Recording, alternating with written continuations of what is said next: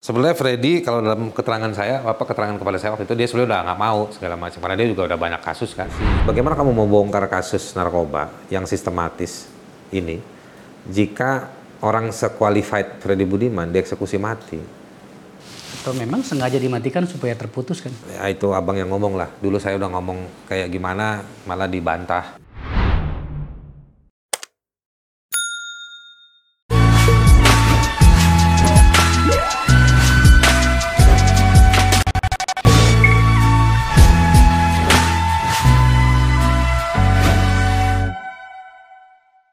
Ini episode gelagapan. Episode hujan rintik-rintik. Kita di tempat yang berbeda. Ini yakin loh nggak mau makan? Nanti pisang goreng saya ambil dikit-dikit. Jadi tiba-tiba aku pengen bicara sama Haris. Karena kan begini bro. Ini kan di ruang publik ini sekarang ini ada yang berhubungan dengan polisi ya. Ada tiga yang sedang ribut. Tiga klaster. Klaster judi online yang sekarang sudah tidak jelas sampai di mana. Kemudian klaster narkoba juga tidak jelas ya kan yang melibatkan uh, Teddy Minahasa mantan Kapolda Sumatera Barat dan yang sedang lagi ribut-ributnya ini adalah klaster mafia tambang. Iya. Ini melibatkan aparat penegak hukum dalam hal ini kepolisian. Tapi kan lu pernah janji gua kan pada suatu saat itu akan nantinya akan membuka di tempat saya ini narkoba. Karena dulu kan lu pernah bikin heboh itu waktu Freddy Budiman ya? 2016. 2016 ya? Gitu. Buat tagi. Nah, jadi siang ini tapi kita sambil makan soalnya nih. Saya tuh gelisah, Bro. Saya gelisah karena ini menyangkut dengan masa depan anak-anak kita. Soal bagaimana kepedihan kita, kemarahan kita bahwa aparat penegak hukum dalam hal ini oknum yang malah terlibat dalam proses kejahatan dalam hal ini narkoba ya. Tadi kan tiga klaster, nah, kita hari ini mau bicara tentang narkoba, itu tak usah kita perdebatkan lagi karena memang sudah marah kita, marah banyak orang. Cuma kan kita nggak tahu nih kasusnya Teddy hilang dari mulai mulai menghilang dari apa ruang publik. Saya dengar sih terus berproses tapi tak ada lagi yang peduli dengan itu. Padahal sebenarnya kan ini luar biasa gitu. Jadi saya nagih ke Aris. Dulu tuh waktu Freddy Budiman sebelum dihukum mati, dia cerita banyak sama lu kan? Ya lumayan lah. Lumayan seperti apa? Lumayan banyak dia cerita. Dan lumayan setelah dia dieksekusi, jadi kita yang dikejar-kejar. Dilaporin ke polisi sama banyak pihak. Lu dilaporin?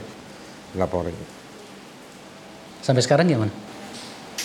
Sampai sekarang nggak tahu pokoknya, tapi cuma dilaporin aja waktu itu. Gara-gara ngungkap itu, dia hampir ditu, dilaporkan karena dianggap membuat berita bohong.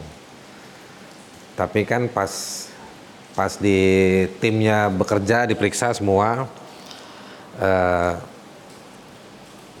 ya terbukti saya nggak bohong, saya ketemu sama Freddy.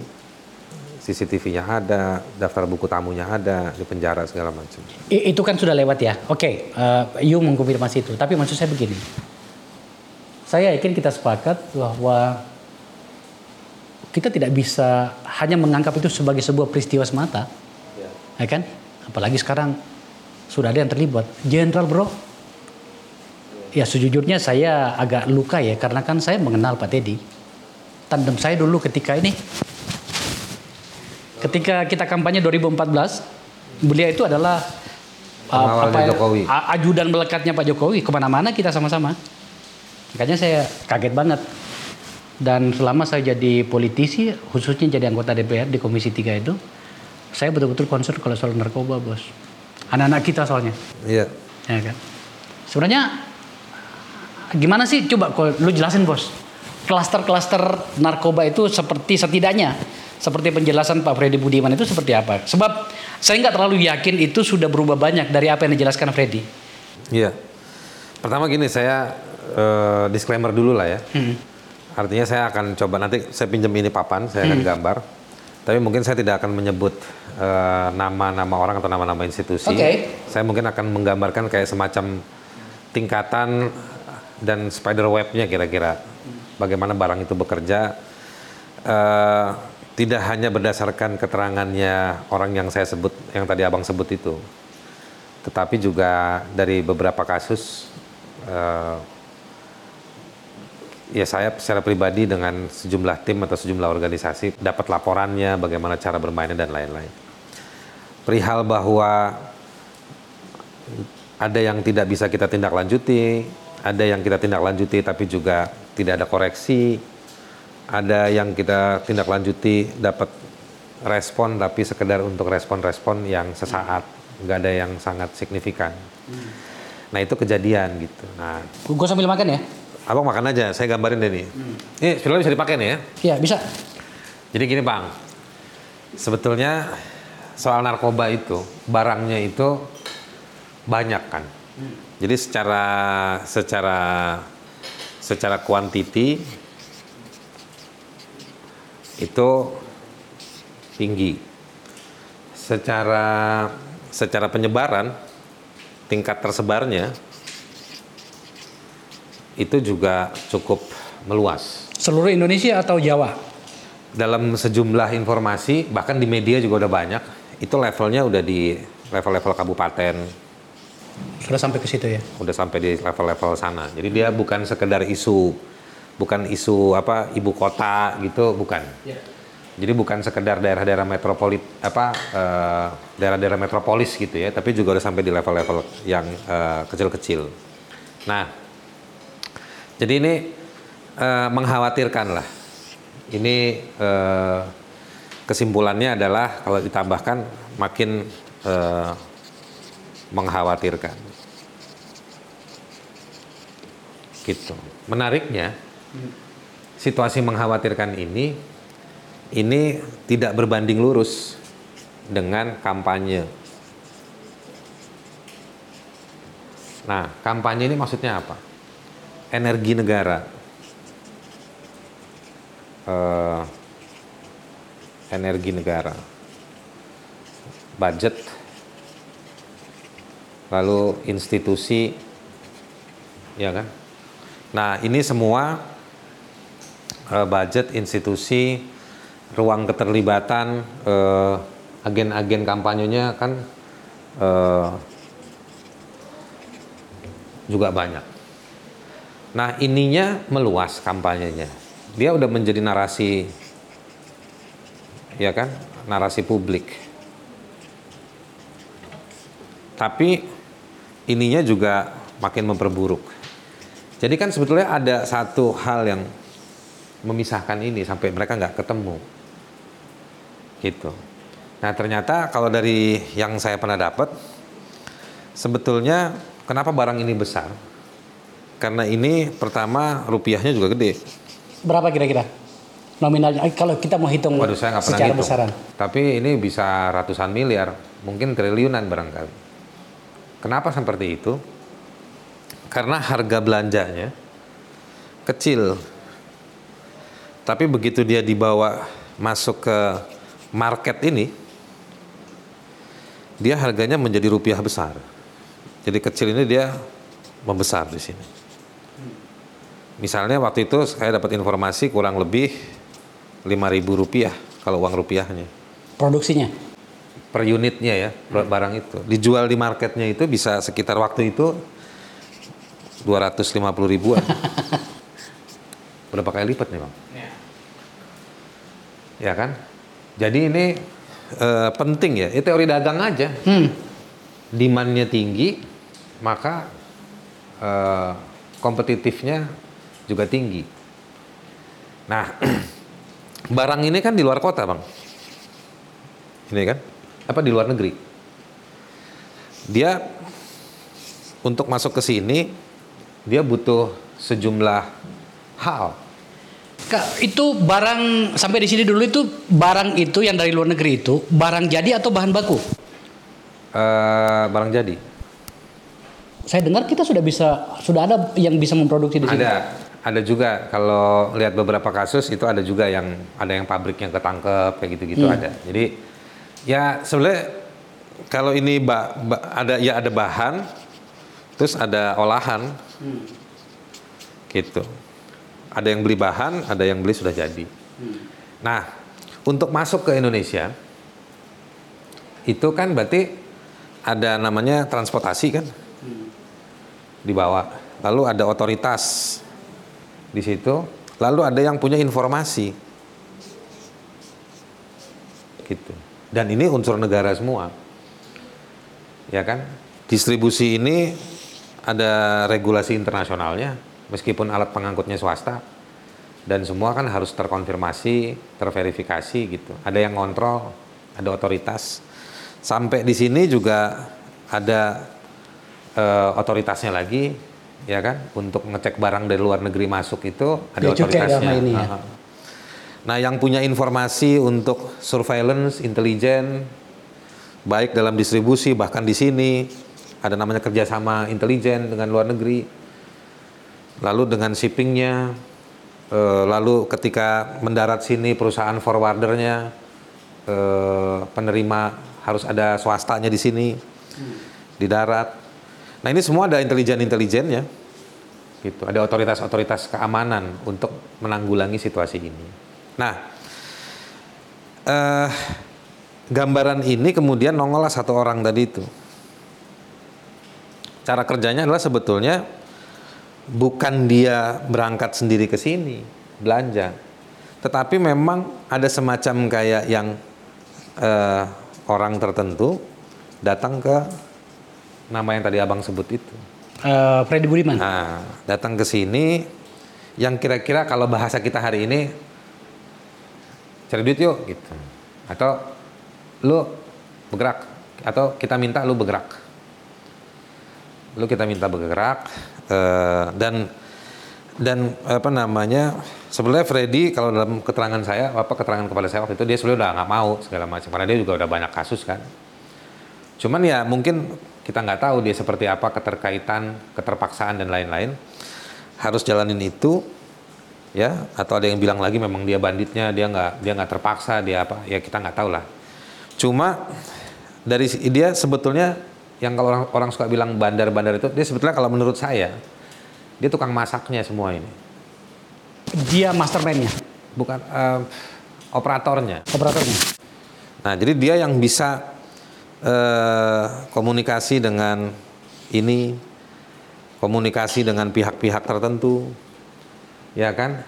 Yang intinya semuanya bisa meloloskan barang itu sampai ke daratan Indonesia. Gitu. Nah, kan itu ada konsesi-konsesinya, production cost-nya, eh, apa cost productionnya. Nah, itulah yang membuat harga jadi tinggi.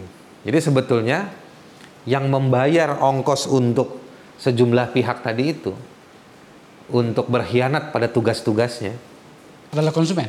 adalah konsumen. Oke. Ada konsumen itu. Jadi makanya lima ribu. Tapi ironi juga kalau misalnya barang ini dijual 5 ribu, dijual 250 ribu aja, pasarnya membengkak, apalagi dijual 5 ribu, semakin mengerikan. Jadi masalahnya bukan di soal teori ekonominya, masalahnya adalah ketegasan moralitas eh, kita, terutama eh, alat-alat negara untuk memproteksi itu. Nah, ini gambarannya. Sekarang balik ke campaign ini, bang. Campaign aja nggak cukup, ya kan? Kita punya pelabuhan tikus, bang, banyak. Pak, negara kita negara kepulauan, pelabuhan tikusnya banyak, ya kan? Tadi abang bilang apa? Ada polisi itu terkait sama tambang-tambang itu, Ya, mafia tambang. kayak tambang. Itu juga perusahaan-perusahaan tambang itu punya partner atau mereka punya jetty kan? Ya. pelabuhan-pelabuhan untuk satu sektor aja. Di tengah masyarakat itu bahkan kita punya apa floating market kan, pasar karena negara kita negara dua per tiga isinya air. Jadi yang namanya pulau, ya kan, gitu, itu dia dikepung sama air. otoritas mengawasi ini gimana? Makanya penting nih kita kita diskusi ini kan kayaknya Pak Yudo KSAL mau jadi iya, panglima iya, iya. TNI nih. Ya, meskipun belum dilantik, tapi sudah ada pekerjaan rumah nih. Nah, ini isu yang kita perlu pertanyakan kan ke lembaga koordinasi namanya Bakamla juga. Di situ kan ada polisi, ada angkatan laut, bea cukai barangkali juga di situ, imigrasi apa. Nah ini melindungi laut kita supaya nggak gampang nggak gampang diintervensi untuk membawa oleh pihak-pihak tertentu membawa barang itu satu. Bayangkan saja dalam cerita-cerita yang kami dapat itu pakai jalur res- resmi loh. Jadi diamini dengan tanda kutip. Jadi barang narkoba dari luar, baik barang bahan jadi maupun bahan baku, masuk ke dalam Indonesia, difasilitasi oleh otoritas resmi pemerintah, oke, kemudian dan melewati pintu-pintu resmi. Iya. Pintu resmi itu seperti apa? Ya, misalnya gini, dia bisa sampai tuh barang di eh, waktu itu kalau keterangannya FB bisa sampai di Tanjung Priuk. Tanjung Priuk kan ada otoritasnya. Gitu, bisa masuk. Gitu. Nah, ketika apakah barang itu dikualifikasi sebagai barang yang secara sah dan halal boleh masuk? Dugaan saya enggak. Dan ketika saya periksa juga enggak. Periksa itu artinya saya cek gitu ya, itemnya dari informasi yang kita dapat. Tetapi bisa lolos dengan tanda kutip tadi itu, diloloskan. Terlihat tapi tidak diucapkan, ya kan? E, Bisa dipegang tapi dibiarkan keluar, kayak gitu-gitu. Nah bahkan waktu info yang dari si tadi yang abang sebut namanya itu, barangnya itu sebetulnya udah sampai keluar ke jalanan dengan kendaraan dan menjadi rebutan juga dengan oleh sejumlah institusi yang punya kekuatan atau kapasitas keamanan. Jadi rebutan juga. Loh, tidakkah mereka sudah dikonsolidasikan oleh Freddy? Eh, siapa saja yang terlibat, masing-masing dapat apa begitu? Nah itu dia yang menariknya. Ini begitu barang masuk, itu jadi rebutan lagi. jadi eh, ya kalau ada yang institusi satu lagi bilang kami menemukan dan kami tahu bahwa eh, institusi tersebut membiarkan. Ya saya perhalus atau saya menghindari untuk mengatakan turut terlibat lah, tapi membiarkan atau gagal. Jadi institusi yang lainnya, tapi ada di ujung jadi, jadi rebut-rebutan menjadi informasi yang tidak berkesudahan sampai hari ini. Meskipun sejumlah pimpinannya udah pada pensiun itu. Masih pada hidup dan masih suka nongol di TV sampai hari ini. Nanti kita bahas soal itu. Ini dulu nih. Iya. Ya. Nah, jadi masuk, keluar sebelum ke pasar tadi itu tuh. Dia masuk, keluar jadi rebutan lagi. Lalu jadi ketarik nih, jadi jadi jadi TSK. Tapi barangnya menurut dia beredar lagi barangnya. Gitu. Nah, jadi gimana saya mau gambarin ya? Kalau tadi abang pakai pendekatannya anak cucu kita, masa depan kita, dikepung, eh, salah satu hal yang mengepung adalah soal maraknya narkoba. Ya kan memang tata kelola ini pernah terjadi. Ini kan udah lama. Waktu itu keterangannya kan 2016. Nah, abang yang mungkin lebih tahu soal Teddy Minahasa. Apakah situasinya masih seperti ini? Oke. Nah, mudah-mudahan nanti terlihat di dokumen hukum ketika dibawa ke persidangan. Ya, maksud saya begini bro. Maksud saya itu gini. Ini kan em, itu peristiwa tahun 2016. Ya. Dari sejak itu kemudian sampai hari ini orang-orang termasuk saya masih mempercayai bahwa informasi paling detail tentang jaringan elit narkoba itu masih ada di tanganmu, Riz. Karena kau langsung berbicara dengan seorang yang betul-betul mengendalikan tanda petik narkoba di nasional. Oke? Bahwa hari ini tetap jalan, saya meyakini setidaknya dari berbagai informasi bahwa sebenarnya ini adalah jaringan lama. Mungkin saja ada pengembangan. Kalau kemarin itu ada tiga, misalnya Ferry Budiman ada membawai tiga atau empat atau tujuh, saya yakin sekarang semakin melebar. Kalau Freddy Budiman, dugaan saya dia bukan membawahi. Dia operator sifatnya. Lah itu maksud saya, dia operator, tetapi kan dia punya namanya operator itu kan butuh butuh Enggak, kaki. jadi yang yang datang ke dia, apa ada yang datang ke dia untuk minta Kalau misalnya eh kalau dalam istilah istilah proyek pembangunan itu kontraktor, dia yang eksekusi. Betul, tapi tapi kan kemudian seorang air kontraktor Nah, itu membutuhkan anu, para pemasok-pemasok. Oh, iya, apa iya. namanya sih itu dalam ilmu Investor. Bukan investor, pemasok itu loh, siapa yang memasok seng, memasok semen segala macam gitu kan. Itu kan pasti dia berhubungan. Oh dia tahu. Iya, dia tahu. tahu mesti beli barang di mana. Oke, nah Kualifikasi orang seperti FB itu di dalam kasus yang dia ceritakan itu, dia tahu mesti beli barang di mana, gitu. Dan dia tahu bukan dia yang punya duit, ada orang yang bayar. dari informasinya Freddy pada saat itu kepada dirimu itu orang yang selevel dengan dia di Republik Indonesia dalam hal narkoba itu berapa banyak? Ada belasan.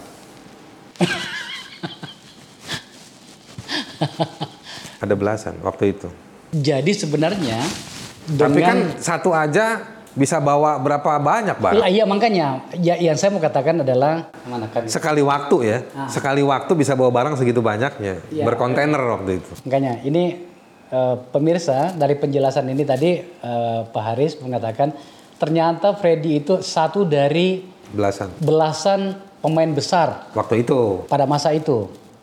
Dengan ditembak matinya Freddy Budiman, ada banyak pikiran bahwa narkoba sudah tertangani. Pasti tidak. Selain jaringannya sendiri. Karena Meskipun waktu dia- itu begini bang Ah, konteksnya. Eh, saya kan menyampaikan informasi pentingnya Freddy Budiman waktu itu kepada pejabat-pejabat negara lah, supaya jangan dieksekusi. Hmm. Logiknya gampang. Bagaimana kamu eksekusi? Bagaimana kamu mau bongkar kasus narkoba yang sistematis ini jika orang sequalified Freddy Budiman dieksekusi mati? Atau memang sengaja dimatikan supaya terputus kan? Ya itu abang yang ngomong lah. Dulu saya udah ngomong kayak gimana malah dibantah. Karena itu eh, di sisi yang lain mengeksekusi atau menghukum mati Freddy Budiman waktu itu digunakan untuk menunjukkan ketegasan negara.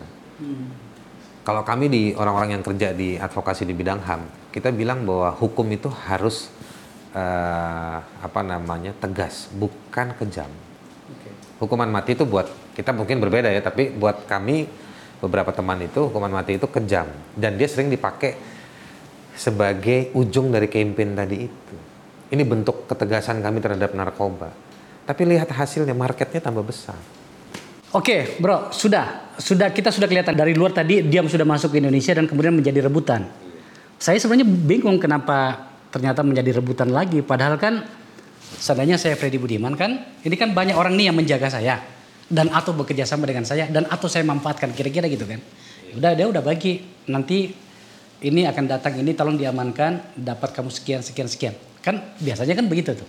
Ya tapi kan eh, saya orang yang masih percaya bahwa di dalam institusi-institusi negara di bidang keamanan, penegakan hukum masih banyak orang yang baik Oh tentu saja, tentu saja. yang berani maju gitu itu satu.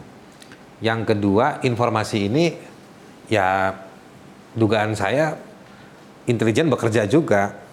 Intelijen macam-macam, BNN punya intelijen, eh, Bais punya intelijen, apa Bais intelijen, TNI punya intelijen, eh, Mabes Polri punya intelijen. Jadi semua juga cari informasi dan punya informasi. Lalu juga ada yang melihat situasi ini dengan dengan motif tertentu, motif yang negara nggak boleh kalah. Ada lagi motifnya eh, ini bagus untuk institusi kita menunjukkan bahwa kita committed, orang-orangnya bisa naik pangkat atau terpromosikan. Ada lagi yang motifnya mungkin ya eh, apa namanya mencuri Momentum. eh, emang mau ngambil apa namanya eh, kalau di bajak ya dibajak gitu kayak gitu-gitu kan tadi harganya 5.000 jadi 200.000 250.000 bang mau apa lagi gitu nah jadi motifnya macam-macam dan juga ini konsekuensi dari kewenangan yang dikasih ke banyak pihak Iya, iya. nggak hanya kalau BNN kan khusus menanggulangi narkoba. Bais misalnya eh, punya soal ketahanan negara kan. Ya orang bisa perdebatkan tapi mereka intelijen yang kerja di situ, TNI di situ. Polisi ya udah pasti lah ini melanggar hukum kayak gitu-gitu. Jadi orang punya excuse masing-masing, punya argumentasi masing-masing untuk eh, mengupayakan kekuatannya mencari tahu bahwa kemudian digunakan untuk apa.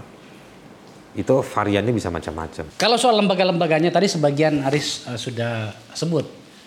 Tapi kan di situ ada banyak ya. Katakanlah misalnya untuk dari luar ke dalam itu ada Bea cukai. bea cukai, termasuk mungkin juga manusianya ya. Imigrasi. Imigrasi gitu ya. Kemudian otoritas di kepelabuhanan, Iya. ya kan? Kemudian di lembaga penegak hukum dan lembaga-lembaga intelijen tadi sudah disebutkan gitu. ya. Di airnya juga ada otoritas, Bang. Sorry? Di atas air juga ada Ah, otoritas. iya, ada namanya Polairut. Macam-macam. Lembaganya kan sekarang Bakamla. Bakamla, Bakamla. Oke, nah informasi dari Freddy dia katakan bahwa semuanya adalah bagian dari eh, kegiatan dia kan? Iya, dia yang mengatur. Iya, dia mengatur. Artinya lembaga-lembaga tadi itu Dia yang ngatur eh, mengasih tahu eh ya begitulah. Mau ada apa, nanti bagiannya berapa kayak gitu. ya. Saya menghormati permintaan dari kamu tidak menyebutkan nama orang-orangnya. Oke. Nama Tapi kan- orangnya atau institusinya saya udah maksud saya saya bukan nggak berani, cuman saya melihat justru di luar ada yang nggak berani mau ngungkap. Jadi buat apa juga kita Ya, ungkap? Paham saya. Oke, tadi lembaga-lembaganya sudah. Nah, sekarang kita maju selangkah karena tadi kan pembukaan saya itu bahwa sekarang sudah sampai pada tahapan jenderal. Hari ini yang terbuka itu adalah polisi. Kalau Bintang saya- dua kan gitu ya. Gini bang, kalau saya dulu kita udah ngerjakan partisipasi kita sebagai warga. Justru kita yang dituduh macam-macam, diintelin, dikejar-kejar, difitnah, di- macam-macam lah. Dulu waktu saya 2016 itu kan saya masih sama Kontras. Kantor Kontras itu eh, websitenya apa namanya istilahnya diserang, Hmm, dihack. bukan dihack, diserang sistemnya. Oh ya. Oh iya. Dari tujuh kota di Indonesia. Ya kan? Nah, yang ingin saya bilang sama abang, ketika warga sudah bicara, ya kalau gitu sekarang biarkan saja pelakunya yang bicara. Maksud, paham nggak maksudnya? Paham, tapi mana mau dia? Kalau kita nggak bisa, kalau kita nggak bisa menghentikan uh, lava keluar dari gunung berapi, biar aja tuh gunung yang ngeluarin sendiri. Iya, tapi kan rusak kita kalau kayak gitu, Riz. ya memang mungkin mungkin kita harus juga tahu tentang eh, peristiwa alamiah seperti yang di Pra- di Perancis ya. Perancis itu kan hari ini kan dia republik yang kelima. Ketika dia berusaha menjadi republik pertama kali, banyak pengkhianatan, banyak pemutarbalikan, perang saudara. Nah, saya nggak berharap seperti itu. Tapi ketika warga mau jaga negara, lalu kita malah dituduh macam-macam, ya biarkan saja. Sekarang akhirnya para pelaku itu yang saling Enggak, maksud saya saya paham. Maksud saya begini. Apa yang kau alami pada saat membongkar kasus ini tahun 2016 berikut dengan seluruh tekanan yang kau hadapi, saya tahu ceritanya, banyak yang menceritakan sama saya termasuk dari kamu, Riz. Dan saya ikut merasa sedih dengan itu. Tetapi kan begini, kita tidak boleh mengambil posisi untuk mendiamkan saja sekarang. Iya. Pada saat yang bersamaan ada situasi yang menyenangkan. Apa itu? Keberanian civil society untuk bersikap yang didorong oleh teknologi bernama media sosial Iya. dan didorong pula oleh rasa enak ya. Bagaimana Ya, kalau enak sih udah pada enak loh. Iya orang. makanya eh, bagaimana alat negara justru dipakai untuk memperkaya diri. untuk memperkaya diri dan dalam level yang lebih besar mengkhianati negara itu semakin besar. Nah, saya tidak terlalu yakin mereka akan berbicara tentang itu. Nah, ini ini proses yang sedang kita lakukan ini adalah untuk itu. Oke, kita tadi sudah sampai pada tahapan barang keluar. nah, sekarang kita maju selangkah. Eh, ternyata dengan dihukum matinya Freddy Budiman malah semakin parah. Dari waktu itu direspon kan, bahkan Presiden Jokowi juga minta kan, apa yang saya bicarakan waktu itu ditindaklanjuti. Ditindaklanjuti waktu itu hanya ada satu pejabat yang pejabat level menengah lah, yang diproses yang saya juga nggak tahu hasilnya apa. Siapa waktu itu? Adalah inisialnya S kalau nggak salah. Tapi ya menurut saya bukan nobody lah dalam dalam struktur kekuasaan itu Dia di lembaga mana? eh, polisi, Polisi. Pangkatnya? Eh, perwira menengah lupa saya. Oke. Oke. Nah, Itu yang saya maksud. Iya. Dalam kenyataannya ternyata kalau kita mau menggunakan pendekatan level kewenangan, dia cuma perwira menengah kan. Kalau polisi mungkin sekitar AKBP atau AKP. AK, ah, apalagi AKP kan gitu ya.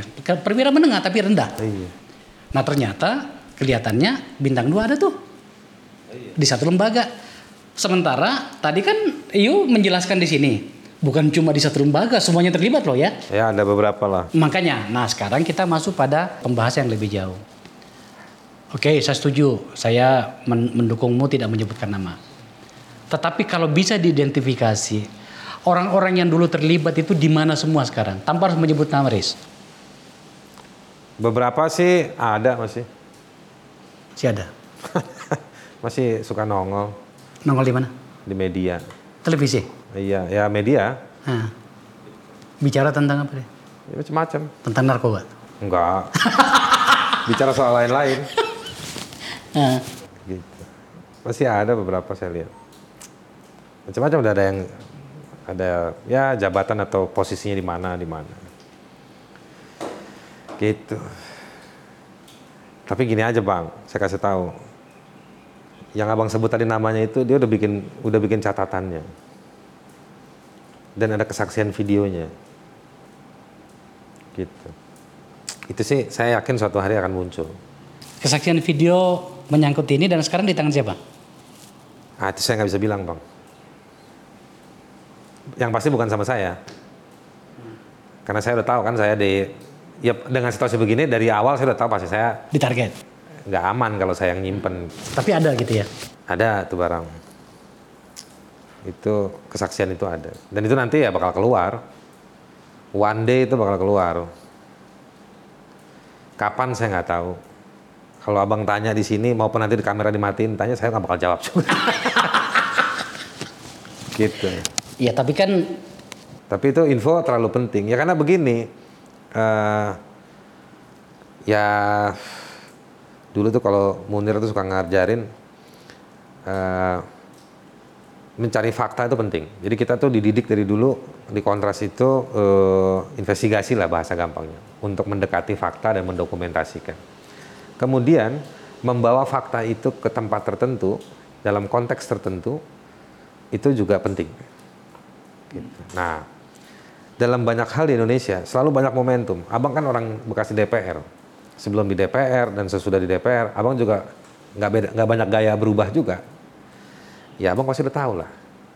Speknya abang kan juga urusannya kan ngotak-ngatik penguasa juga. Meskipun abang juga pernah di kekuasaan dan dihianati juga oleh kekuasaan. oke. Jadi yang saya mau bilang sama abang, eh, konteksnya, gitu. Kita bukan ngos-ngosan, cuman kita merasa bahwa atau kita melihat ada kita sorong terus, kita sorong terus, kita makin nggak jelas nih. Kita mau ngegali kekuasaan itu sampai berapa jauh. Setiap kita gali kok kayak nggak ada habis-habisnya itu lorong. Dan kadang-kadang berbalik ke kita. Paham. Sering kali, banyak Ya. kali sekarang sekarang berbalik ke kita. Eh, saya tentu saja sangat paham apa yang Haris barusan katakan karena dalam banyak case itu seperti itulah. Tapi eh, saya mau bilang begini bro, kan pasti juga kau lihat kan, ada peristiwa banyak peristiwa yang kemudian membuat kita jadi kadang-kadang putus asa tapi kadang-kadang juga ada harapan. Menyangkut dengan ini, kenapa you tidak berp- berpikir gini Riz? Setahu saya, saya tidak ada di dekat presiden. Meskipun fotonya sengaja saya Iya. pajang sini. Iya, iya. Pokoknya supaya untuk menunjukkan bahwa saya agak paham semangatnya presiden dulu. Iya. Setidaknya pada bagian awal Iya. kekuasaannya. Dulu saya datang ke sini belum ada foto ini, Bang. Kok sekarang kita tahu? Nah, jadi maksud saya dari gesture, dari narasi, dari gaya bahasa presiden itu tingkat kedongkolannya menyangkut dengan pertanggungjawaban konstitusi para aparat penegak hukum itu sudah sampai pada tahap membuat dia dongkol setengah mati. Iya. Ada- Saya banyak dapat info juga soal ini. Ya, bagaimana kemudian mengumpulkan pimpinan Polri hingga sampai pada tingkat Polres di istana dan Polda, Polda. eh, oh sampai Polres loh. Polres juga ya? Iya, di- diundang semua ke Polres, diundang ke istana. Sampai kemudian Pak Presiden Saya nggak bisa menyebutkan secara detail konteksnya apa, tapi sampai presiden mengatakan kepada orang di sampingnya, lima menit. Nah, kan gitu kan? Saya dapat pengakuan itu dari seseorang yang tidak jauh posisinya dari presiden pada saat itu. Itu sudah dongkol. Nah, ada lagi satu orang, menteri senior, yang hari ini harus diakui telah menawarkan kepada kita sebuah pola kinerja yang melabrak tatanan yang sudah basi di level elit bernama Pak Mahfud MD. Dia tabrak, lu bayangin aja. Urusan penegakan hukum yang di SP3 oleh salah satu lembaga penegak hukum, dia minta dibuka dan dia ungkapkan di Twitter. Ini kan tidak pernah terjadi, Riz. Ada seorang menteri yang mau mengurusin seperti ini. Di situ kemudian harapan itu muncul, Riz. Iya. Yang hubungannya dengan ini gini, maksud saya. Kenapa tidak datamu itu dengan seluruh pemahamanmu seperti ini, mumpung presiden tinggal dua tahun lagi. Saya yakin dia akan mau Sudah ada di kantor. KSP. Hah? Kita udah pernah bikin di kantor KSP. Ah, sekarang bawa lagi ke tempat yang lain. Nah, saya nggak mau. Kenapa, Mereka aja suruh buka. Hah? Mereka aja buka. Bawa ke Pak Mahfud dan langsung ke presiden? No. Kenapa? Ya saya bukan merasa paling banyak dan paling sering. Tapi sudah bang, saya kan kerja advokasi. Abang kan ngerti saya dari Hmm. dulu. Saya kerja advokasi. Barang organisasi namanya Kontras. Saya bikin Lokataru kan baru empat tahun belakangan sama teman-teman. Tapi dulu dengan Kontras kita udah banyak kerja. Ya, udah iya, banyak tentu saja. bahan gitu. Kita lihat itu. Iya. Nah sekarang ya kontras, ya kan regenerasi, jadi bukan saya. Nah tetapi eh, waktu itu yang 2016 itu kita eh, dibantu juga oleh sejumlah teman yang ada di dalam lingkaran kekuasaan membantu untuk eh, menjemput informasi waktu itu. Tapi ternyata nggak jalan. Ya, ya kan tadi kita diskusiin. Jadi kalau tapi pertanyaan abang bawa lagi itu udah ada di sekitar kantornya Pak Presiden. Tinggal nyebrang dapat ya. Ya tinggal dia minta aja atau tinggal barangkali yang dekat Presiden bawa lagi yuk infonya gitu. Ini Pak Pak Muldoko ini kayaknya harus ngambil inisiatif ini. Pak Muldoko kan sibuk dia. kalau mau pilpres semua pada sibuk bang. Ya kan, real politiknya begitu. Itu. Cuma kita di sini nggak sibuk. Kita nggak. Kalau saya saya nggak sibuk bang. Saya kan bukan bagian dari apa ya kayak abang dulu gitu. Pa- kan. Iya, iya. Para pihak yang mengejar kekuasaan. Saya malah di dihindar-hindari kan. Gitu. Nah jadi kalau balik ke kasus Pak siapa Teddy Minahasa ya, yang nangkep siapa Kapolda Pak Fadil ya. Kalau di level itu aja sih kita bilang ya bagus lah udah. Gitu. Nah saya pernah ngomong di YouTube-nya Bang Zulfan Lindan, sohibnya abang tuh kan. Dia tanya sama saya, ini saya mau ngulang ke abang sebelum abang tanya. Gimana cara memperbaiki polisi, Riz? Saya bilang, Mabes Polri harus ungkap kasus-kasus besar yang melibatkan pejabat-pejabatnya. Pejabat-pejabat Polri ya. Apa pun itu ya. Tadi abang bilang apa? Tambang, narkoba, Judi online. judi online. Apalagi bang? Banyak. Mafia tanah, Eh, mungkin mafia tanah. Eh, lingkungan. pasti banyak lah ya. Nah, bagaimana Mabes bongkar ini semua?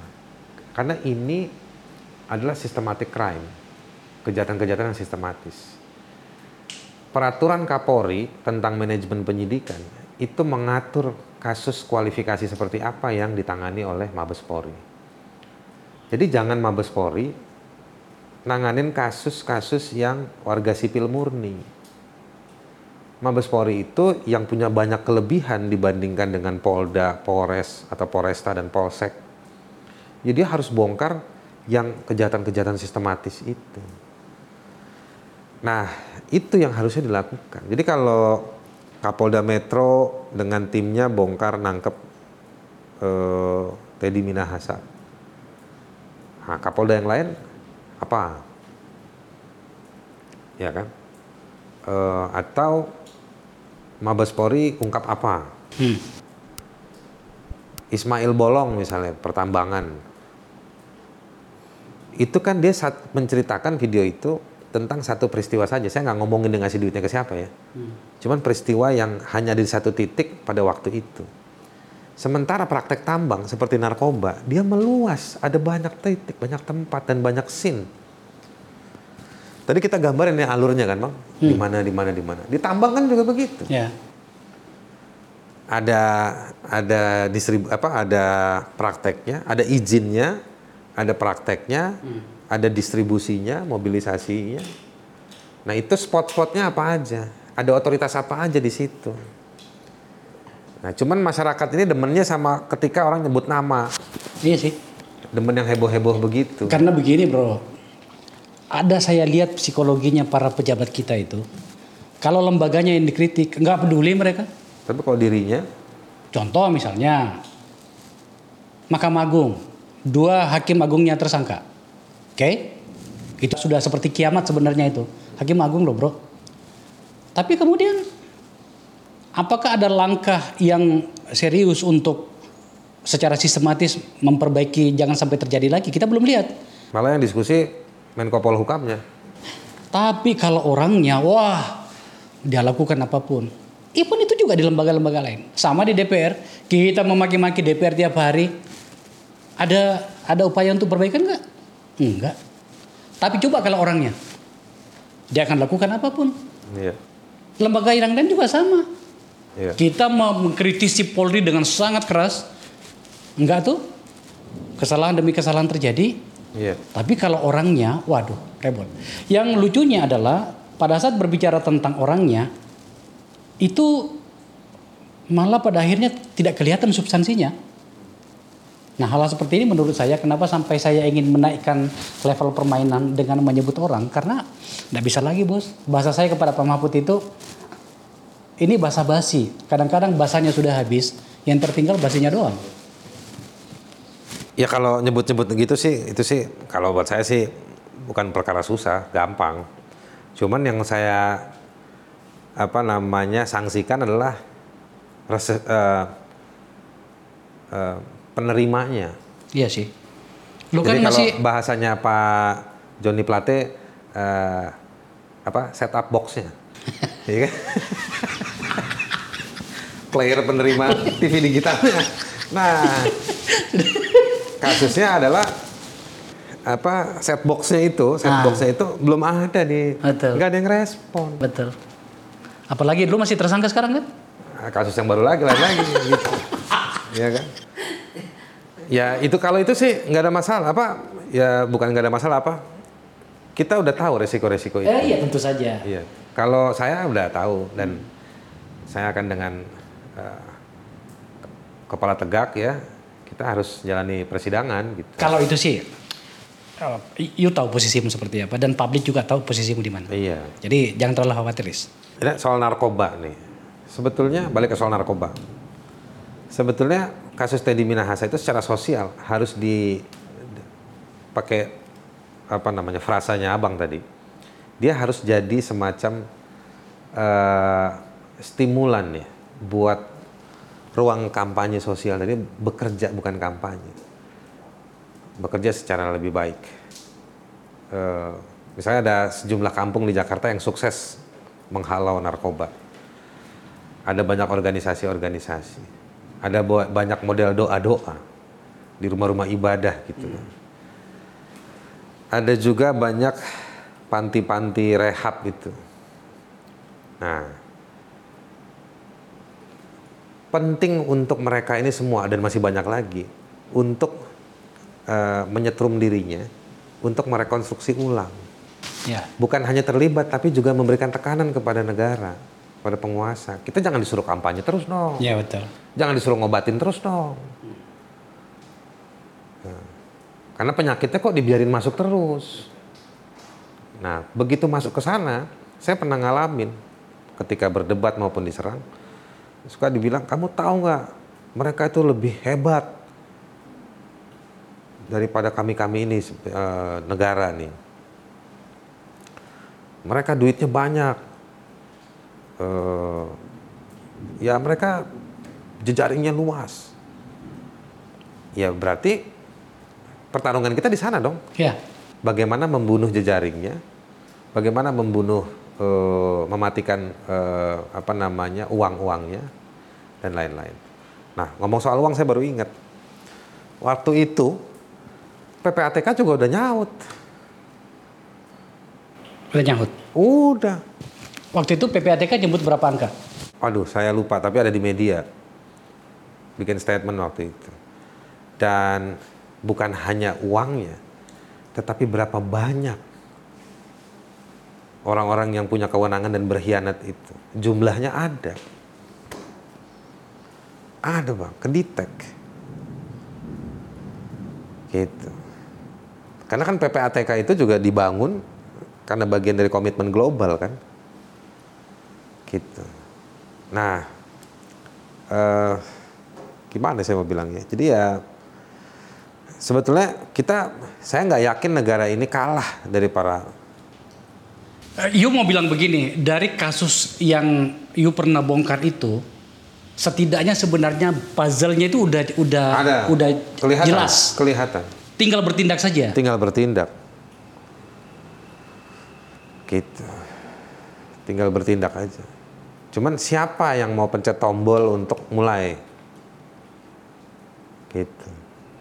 Saya jadi bertanya, pertanyaan ini saya jadi bertanya, kalau polisi yang pencet tombol, lah polisi ada di situ kok. Hmm. Gimana dong? ya nggak ada masalah.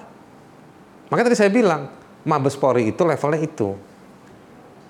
Jadi saya senang. Saya senang bukan dalam rangka Teddy Minahasanya, saya nggak kenal secara pribadi, saya nggak punya masalah pribadi sama dia. Eh, tapi apa namanya, saya senang dengan kualifikasi atau kasus seperti itu yang ditangkap pejabatnya. Karena ada satu prinsip penting dalam dalam hukum ya, kita orang hukum bang.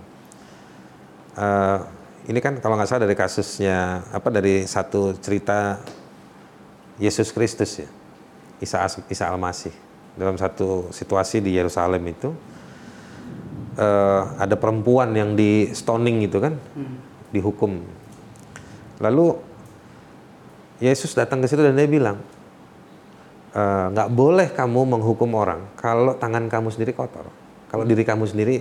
Jadi gimana kita mau benar kalau penegak hukumnya atau pelaksana otorita itu itu Adalah bagian dari itu. adalah bagian dari kejahatan. Gitu. Nah, jadi yang harus dibenahi adalah sapunya dulu. Jangan kita kaki kita kotor, ngebersihin lantai yang ada kotoran. Kita kita cuma mengganti kotoran dengan jenis yang baru aja. Dan rumitnya adalah dari kasus ini, semua sapu yang telah disiapkan oleh negara untuk membersihkan itu malah terlibat semuanya. Eh, sapu yang terlibat itu bukan apa tadi terlibat? Iya. Eh, bukan terlibat, Bang. Apa? Udah diganti dengan alat yang lain. dia bukan dia bukan sapu lagi. Kan? Dia mesin parut, Bang. Lebih Jadi ada lagi. yang diparut tapi sebetulnya jatuh ke bawah. Gitu. Jadi sebenarnya bukan sapunya kotor, tapi saya mau bilang udah ganti alat. Udah ganti alat. Iya. Yang tingkat kerusakannya enam kali lipat dibanding itu. Iya. Eh, ya bisa enam kali, bisa, bisa tujuh kali. Saya ketawa tapi sebenarnya saya sedih mendengarkan yang Sedih begini. bang, sedih. Saya kadang-kadang kalau suka lagi, ini saya jarang nih ngomong gini ya, tapi ini kita ngomong aja lah di YouTube abang. Kadang-kadang saya suka merenung, nga- kenapa juga dulu ya gue kerja begini, gitu ya. Kenapa juga dulu kita ladenin apa kecenderungan hati dan pikiran ini kan sebenarnya dulu menjadi kerja advokasi HAM Iya, itu kan iya. karena ketertarikan, Ada panggilan yang kita tidak tahu kapan datangnya. ya ada panggilan yang nggak Iya, ada bahasanya bang. Betul, betul. tiba-tiba ikut aja ngerjain dan kita seriusin saya juga bukan bilang ya saya juga dulu digoblok-goblokin gitu sama senior-senior tapi kita belajar gitu saya juga nggak tahu eh, saya ini ada di mana hari ini tapi jalanin nah tapi yang saya mau bilang kadang-kadang makin banyak tahu itu makin apa syukur-syukur nggak jadi jerawat gitu Saya itu berkali-kali memikirkan itu, Bro. Pertama ketika di DPR ya. Kan kami waktu itu ada 560 orang. Sekarang kan sudah 575. Saya tuh kadang-kadang melihat Fahri Hamzah misalnya ngamuk begitu kan untuk uh, berbagai problem uh, Fadlison atau siapa gitu kan yang Puan Maharani. ya yang yang kita yang kita anggap itu punya sikap tentang bagaimana tugas dia sebagai anggota DPR ya. Dan kemudian kata orang juga saya adalah bagian dari situ. Tapi saya lihat di tempat di dekat saya yang lain kok pada diam-diam aja Iya. menikmatinya gitu ya. Ngecek WhatsApp. Saya saya kadang-kadang berpikir kenapa aku nggak seperti mereka aja ya gaji sama Abang salah salah komisi. gitu ya. Salah komisi. Nggak komisi yang lain juga ada juga yang jagoan, ada yang tidak memikirkan dirinya gitu. Contoh bro, mumpung udah lagi ngomong soal ini. Dalam rangka apa misalnya soal terbunuhnya Salim Kancil di Lumajang, Ya itu kita pernah diskusi kan. iya kan? Abang ke lapangan. Oh iya, apa coba urusannya? Kan ada anggota DPR-nya dia juga di situ. Di kampung saya misalnya, ada desa empat desa tenggelam di Endrekan karena pembangunan bendungan Iya. dan masyarakat kebingungan. Itu bukan dapil saya, saya turun karena panggilan gitu ya. Nah pada saat itu saya pikir-pikir, kenapa saya begitu ya? Iya. Kenapa saya nggak diam-diam saja gitu? Itu dia lah bang. Eh, Atau kita ini memang ini salah salah anu ya? atau kita mungkin manopause. Bisa jadi bang. Kita harus berani ngakuin diri juga. Bagian dari manopause eh, critical group. Atau kita sok tanggung jawab ya? Nggak soal tanggung jawab. Harusnya idealnya partisipasi warga tuh begitu. Gitu. Harusnya memang kalau dulu Munir ngajarin kita begini. Kontras tuh eh, tingkat dia dibilang berhasil dalam bentuk kontras bubar. Wah kita dulu, saya pertama dengar itu, saya tanya sama Munir, Cak, kok bubar? Iya, artinya semua orang udah bisa mengadvokasi dirinya. Oh iya benar. Gitu. Harusnya seperti itu. Dan pertumbuhan penduduk yang tinggi di Indonesia, anak muda lagi banyak, kita juga ngeliat sih sekarang produknya banyak gitu. Harusnya seperti itu, Bang. Nah, jadi eh, kalau saya mau bilang memang ya apa namanya eh, yang harus dibenahi dulu ya si negaranya dulu, gitu. Tapi Cuma iya- bang, bang datengin investasi, investasi Betul. itu segala macam. Di sekitar dua minggu lalu itu saya nge-tweet di Twitter itu langsung ke mention ke Pak Jokowi bahwa sambil memberikan penghargaan kepada pemerintahannya dalam hal infrastruktur ya memang harus diakui kelihatan ada bentuk ya dibanding presiden-presiden yang lain. Kelihatan lah dari iya. Bekasi ke Priok cepet sekarang. Iya, sampai ke sampai ke Surabaya juga. Sampai Surabaya. Oke. Tetapi ada hal yang paling mendasar bernama rasa keadilan yang terlanggar itu. Nah, menurut saya itu yang harus diperbaiki. Ada masih ada waktu dua tahun. Itulah sebenarnya alasannya saya aja Aris untuk ngomong soal ini. Selain karena ada kasus narkoba yang semakin membesar, terus ada pemicunya. Jenderal bintang dua loh. Iya benar. Oke, jarang loh. SBY lu pernah pidato loh bang. Bu, tiga masalah besar di negeri ini. Ya kan, korupsi, terorisme, narkoba. Tapi ya, pidato tinggal pidato. Ganti pemerintahan, ganti rejim, ya itu jadi kayak apa namanya eh, ritual demokrasi aja kan. Tapi masalah tetap eksis gitu. Saya tuh sangat berharap ya, karena setidaknya saya pernah berbuat untuk Pak Jokowi di tahap awal. Saya berharap itu tidak lama dari hari ini, Pak Jokowi mengambil sebuah momentum berpidato bahwa itu tadi sambil meneruskan legasi infrastruktur yang juga menimbulkan banyak perdebatan tapi saya mengakui bahwa itu adalah sesuatu yang harus kita lakukan sejak lama masuk pada wilayah yang paling mendasar. Gaya bahasa saya itu begini Riz. Oke kita nikmati naik tol dari Jakarta sampai ke Surabaya. Tapi pada saat kita keluar dari jalan tol yang aman lancar terkendali itu tiba-tiba kita di sana menemukan ada ketidakadilan dan dilakukan atau mengenai warga negara lain. Untung-untung bukan kita. Kadang-kadang itu mengenai kita. Jujur ini saya sambil menunggu laporan Tempo, saya katakan bahwa saya sudah kena nih sebuah pemerintahan yang saya usung ternyata ada bagian dari keluarga saya yang diperlakukan sangat tidak adil. dirampok tuh adik saya. Abang nunggu keluarga abang dulu kena kan? Sejujurnya enggak ya, tapi terjadi seperti itu gitu ya. Nah, saya kalau Aris bilang bahwa apakah saya marah, marah saya Aris. Lah kita saja yang berbuat dan melakukan banyak hal untuk kepada pemerintahan ini diperlakukan seperti itu. Bagaimana dengan orang yang tak punya kenalan pejabat, bukan bagian dari kekuasaan? Gitu gitu. Nggak punya, nggak berdaya secara informasi dan ekonomi. Nggak punya akses untuk Banyak, itu. Tom. Itu dia. Nah, eh, kesadaran dan pikiran seperti ini harus terus-menerus kita dorong, terutama oleh orang-orang yang punya kesadaran dan kepedulian dan kebetulan barangkali punya suara yang cukup bisa didengar seperti Aris untuk eh, mengungkapkan itu. Percaya banget kok aku, Bro, bahwa eh, masyarakat kita bergerak dengan sangat cepat dari yang masa bodoh kemudian muncul kesadaran itu. Karena dia ketika berbicara tentang anaknya dia akan melakukan apa saja. Kita bicara tentang narkoba hari ini karena apa? Menyangkut dengan anak-anak kita. Anakmu berapa, Bro? Adalah. Saya punya anak juga. Saya tidak mau sebut angkanya juga karena nggak disebut kan gitu. Itu kan terancam, Bro. Soal soal waktu dan bagaimana kita menyiapkan diri mereka saja agar kemudian tidak terkena gitu ya. Kita kan nggak cuman bawa beras ke rumah untuk mereka makan. Itu dia. Kita harus nunjukin sama mereka dan juga banyak, apalagi orang kayak abang gitu ya. Mungkin kayak saya juga banyak dilihat orang kan. Meskipun banyak yang benci sama saya, tapi saya tahu lah ada dua tiga orang yang eh, senang suka nanya-nanya sama saya gitu. Jadi saya, kita perlu kasih contoh yang bagus juga. Kita pernah diskusi di sini beberapa orang teman, teman-teman dulu juga. Mudah-mudahan tidak terjadi nih. Tapi kalau mere- mereka ngomong gini, nanti kalau Haris ditahan gara-gara eh, apa itu kasus tersangkanya dia itu, kita bawain nasi padang yuk. Iya. gitu tuh. Jadi masih banyak orang dan saya yakin di setiap orang itu ada dalam relung hatinya yang paling dalam. Rasa keadilan itu tidak bisa tergantikan. Dia penjahat, dia pasti merasakan itu juga. Dia orang baik, dia pasti merasakannya. Hanya barangkali tinggal waktu saja Tuhan membuka hatinya. Iya. Kalau dikasih tahu nggak bisa, kita malah diserang balik. Maka biarkan alam ini bekerja, kira-kira begitu.